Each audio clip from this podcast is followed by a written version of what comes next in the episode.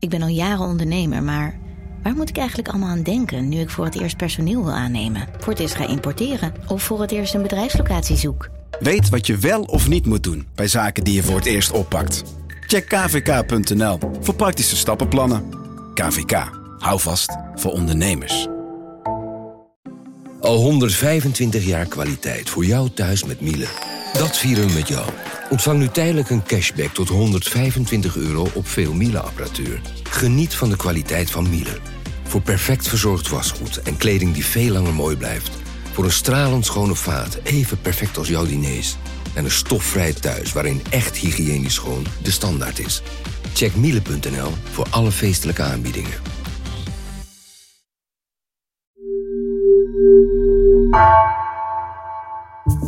Vanaf de redactie van NRC het verhaal van dit jaar.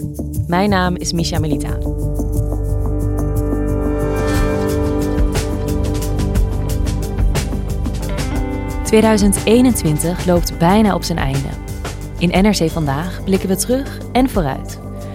Met onze correspondenten kijken we naar belangrijke ontwikkelingen in hun regio. Verhalen die de voorpagina's haalden of juist ondergesneeuwd raakten onder andere nieuwsgebeurtenissen. Vandaag Jannie Schipper, correspondent in Israël en Palestina. Als het in Nederland over die regio gaat, dan is dat meestal over de conflicten tussen de Palestijnen en de Israëliërs. Maar Jannie Schipper constateert dat Palestijnse Israëliërs vooral bezig zijn met het steeds hoger aantal moorden in eigen kring. En wat opvalt? Weinig van deze moorden worden opgelost.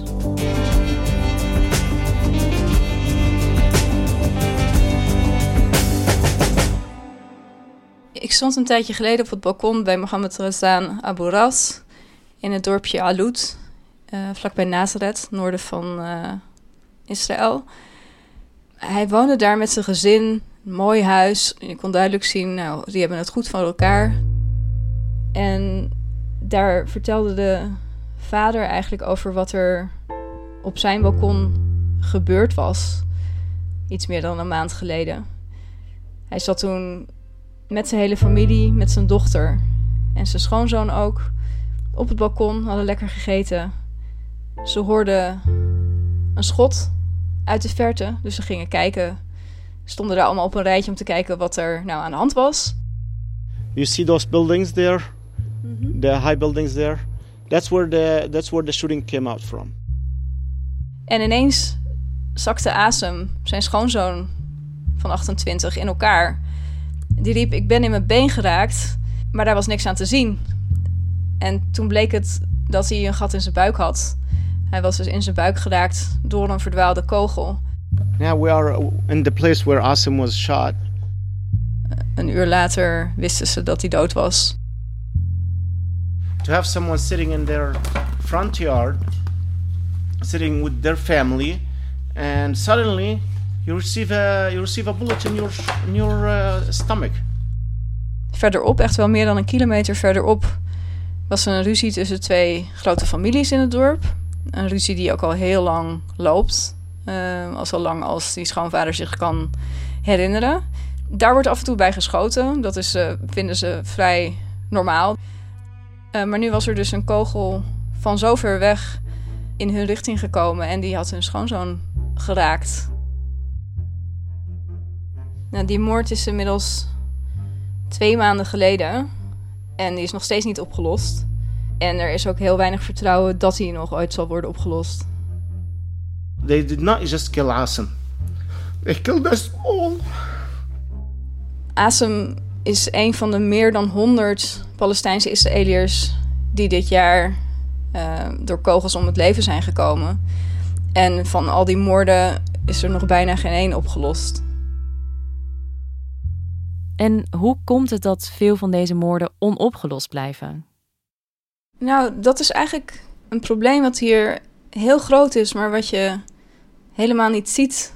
Want ja, als je aan geweld denkt en aan Palestijnen, dan denk je toch aan het conflict, het Palestijns-Israëlische conflict. Er is dit jaar een oorlog geweest, daar heb ik over geschreven. Maar eigenlijk speelt er voor de Palestijnse Israëliërs een heel ander probleem in hun gemeenschap. En dat is dat er gewoon heel veel geweld is en dat er heel veel mensen omkomen bij geweldsincidenten. En wat is deze groep waar jij het over hebt, de Palestijnse Israëli's? Palestijnse Israëli's zijn zeg maar de Palestijnse bewoners en hun nakomelingen natuurlijk, die in 1948 bij de stichting van de staat Israël niet zijn gevlucht, maar in Israël zijn gebleven en daar nog steeds wonen. En hoe groot deel van de Israëliërs uh, hebben we het dan over?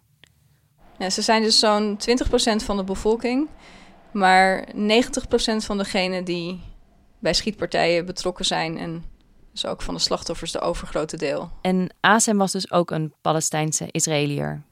Ja, en hij woonde ook in een dorpje met vooral Palestijnse Israëliërs. Want je hebt gemengde steden en je hebt dorpen en steden waar vooral Palestijnse Israëliërs wonen. En in deze groep loopt het aantal doden, het aantal moorden heel snel op. Want in 2016 waren het nog 66 doden, maar vervolgens in 2019 waren het er 100. En nou ja, nu staat de teller al boven de 115 voor 2021. Ja, een beetje een trieste record. Ehm, dat gaat niet de goede kant op. En hoe kan het dat er juist in deze groep zoveel moorden plaatsvinden? Ja, er zijn verschillende oorzaken voor. Een hele belangrijke is dat er heel veel wapens verspreid zijn in die gemeenschap. Dus tussen de 4 en 500.000 illegale wapens uh, zijn daar in omloop.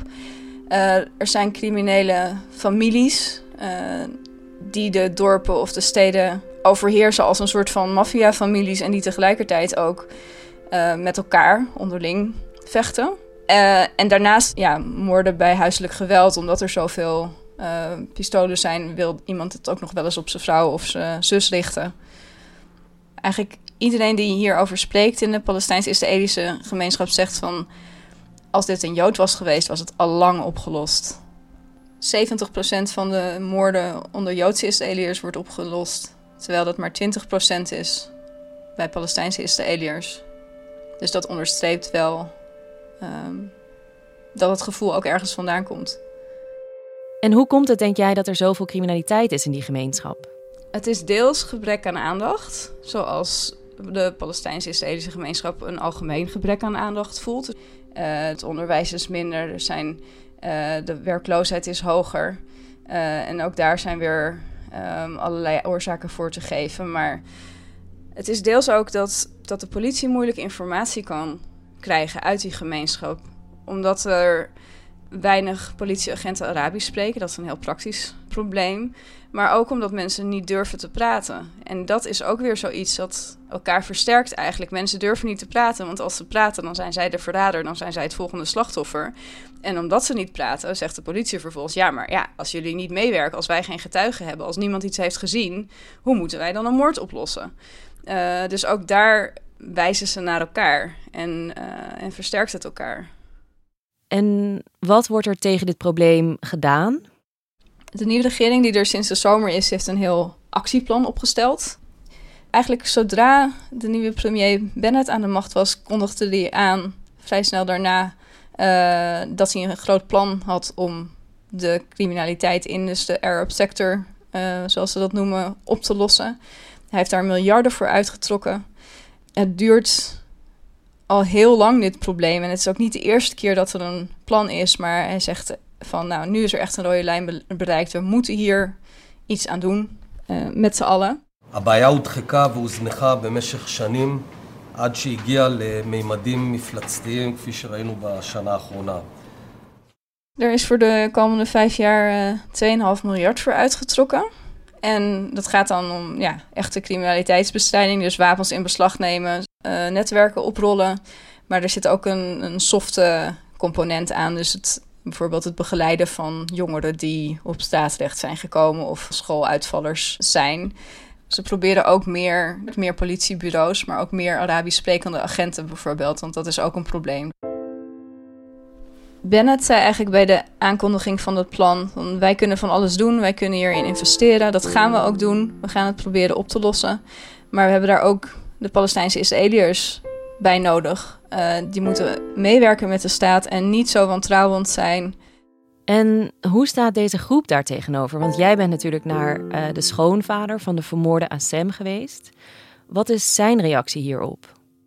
uh, Mohammed, de schoonvader van Asem, zegt eigenlijk: het interesseert de politie niet. Want als het ze interesseerde, dan konden ze er echt wel wat aan doen in de afgelopen decennia. En ze laten het gewoon doorgaan.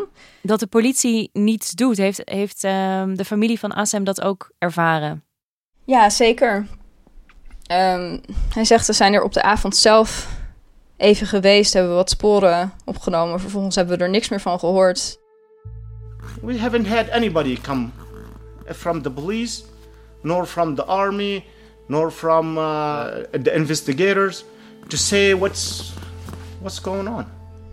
Hij heeft het gevoel dat de politie echt helemaal niet zijn best doet om de zaak van Azem of welke zaak dan ook van Palestijnse Israëliërs uh, op te lossen. If someone shot a dog, they would turn the grounds upside down here in Eilut. But if, if a person dies, so what? You know, our lives do not matter to them. And that's what I that's that's my feeling now. Hij heeft het ook over de grotere aantallen illegale wapens die in omloop zijn. 4 à 500.000 wapens zijn er gewoon vrij verkrijgbaar als je er geld voor hebt. It's illegal to bear arms if you're not in the army or in the police. Why do we have 500,000 pieces of, of guns just in the Arabic sector? En hij wijst daarbij ook eigenlijk naar het Israëlische leger. Want hij zegt ja, die wapens zijn er niet toevallig. Die komen niet ergens vanuit een ander land. Uh, die komen gewoon uit een legeropslag. These weapons do not come from Lebanon, do not come from uh, Egypt, do not come from Syria. They come from Israel. The alarming data obtained by Haaretz demonstrates how many weapons have fallen into the wrong hands in recent years. Thousands of weapons and munitions are stolen from the Israeli military every year, official IDF data shows. Die wapens komen gewoon uit een legeropslag. En die worden daar verkocht, weggehaald. Het leger moet daar zelf meer aan kunnen doen om die wapens te bewaken. In plaats van dat er mensen meedraaien in het zwarte circuit. Dus hij wijst eigenlijk uh, naar de politie en het grote wantrouwen. Maar ja, uiteindelijk is er ook binnen deze gemeenschap heel veel criminaliteit. En is ASM ook daar het slachtoffer van geworden. Ja, tuurlijk ziet hij ook wel een verantwoordelijkheid bij die gemeenschap zelf. Er zijn sowieso heel veel mensen die met wapens rondlopen. En hij zegt ook, ja, niemand, niemand zegt er iets over. Niemand, um, niemand durft eigenlijk te zeggen wat er aan de hand is. We have mothers, we have fathers, grandparents that are covering for their, uh, for their children, covering for them. They know that they have guns. But they're, they're, keep, they're keeping quiet. They're afraid for their grandson to go to jail. Dus, dus er is een enorme zwijgcultuur in die gemeenschap. Mensen niet kunnen of willen of durven ja, de verrader te zijn. Ja, dus er speelt van alles tegelijkertijd. Wat is jouw inschatting? Kunnen ze hier nog uitkomen? Nou, ik hoop dat ze eruit komen. Uh, ze hebben natuurlijk allebei een beetje gelijk in die zin van er is veel criminaliteit. Er zijn criminele families. Um, er is iets ingeslopen van: oké, als je een probleem hebt, dan los je dat met geweld op. Maar andersom hebben Palestijnse Israëliërs gelijk dat de politie te weinig doet. Of ze dat nou niet kunnen of niet willen. Maar er worden gewoon heel weinig van die moorden opgelost. En daar komt nog bij dat, uh, dat Palestijnse Israëliërs ook het idee hebben dat ze sowieso weinig kansen krijgen. Economische kansen, voorzieningen. In het dorp van, uh, van de schoonfamilie van Asem was geen ambulance in de buurt. Uh, er zijn gewoon basisvoorzieningen die minder zijn in Arabische gemeenschappen. Eigenlijk kom je een beetje in een vicieuze cirkel terecht. Mensen hebben geen vertrouwen in de politie, omdat er van alles niet opgelost wordt. Het dan maar zelf oplossen met geweld. Uh, en durven ze ook niet ja, zich uit te spreken, überhaupt. Ja, omdat die maffiafamilies zoveel macht hebben daar. Dus ja, dat zal wel gek zijn om je uit te spreken. En dan, omdat mensen zo weinig meewerken, inderdaad, met de politie, kan de politie het weer minder goed oplossen. Waardoor het wantrouwen weer toeneemt.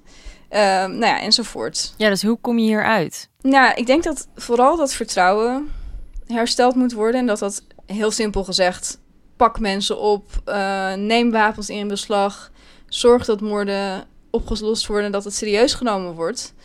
Uh, dat mensen ook het gevoel hebben van oké, als ik naar de politie ga, dan heb ik een grotere kans dat dit opgelost wordt uh, dan als ik mijn mond hou. Maar eigenlijk is er een groot onderliggend probleem wat opgelost moet worden. En dat is dat mensen zich als tweederangs burgers behandeld voelen op allerlei terreinen. En dit probleem uh, speelde dit jaar. Het aantal moorden binnen deze gemeenschap uh, nam alleen maar toe de afgelopen jaren. Premier Bennett heeft een plan. Is dit dan het jaar dat het opgelost gaat worden? Is het voldoende? Of het voldoende is, dat is de vraag. Want dit is natuurlijk een probleem wat al decennia speelt en wat zoveel facetten heeft. Het is niet dat je dat hocus pocus pilatus pas in één keer gaat oplossen. Maar Bennett zegt wel, volgend jaar is de test of we met z'n allen een stapje verder komen in de goede richting. En we begonnen de aflevering op het balkon van de schoonvader uh, van Assem, die daar uh, vermoord was. Heb jij met hem ook gehad over wat hij denkt dat de oplossing is? Ja, de Palestijns-Israëlische gemeenschap moet zich ook uitspreken, hoe gevaarlijk het misschien ook is. Um, wij moeten laten weten dat dit niet geaccepteerd wordt. En dat Arab Lives Matter. En we zijn al begonnen met een demonstratie. En er zijn dit jaar al een aantal andere demonstraties geweest. Maar daar moeten we echt mee doorgaan. Om vanuit ons te laten weten van dit is belangrijk. En um, wij gaan hier zelf ook tegen in. They need to uh, express their anger. They need to demonstrate. They shouldn't stay quiet about this. Hij zegt ook, ik had nooit verwacht dat dit mij en mijn gezin zou kunnen overkomen. En ik denk dat veel mensen dat idee hebben. Mij overkomt het niet. What happened to us and could happen to their to their families, to their sons, to their fathers, to their daughters. Nobody can say I'm I'm away from this. Everybody is in this together. Dankjewel, Jannie. Graag gedaan. Je luisterde naar vandaag, een podcast van NRC. Deze aflevering werd gemaakt door Stef Visjager, Nina van Hattem en Henk Ruighoek van der Werven. Dit was vandaag, morgen weer.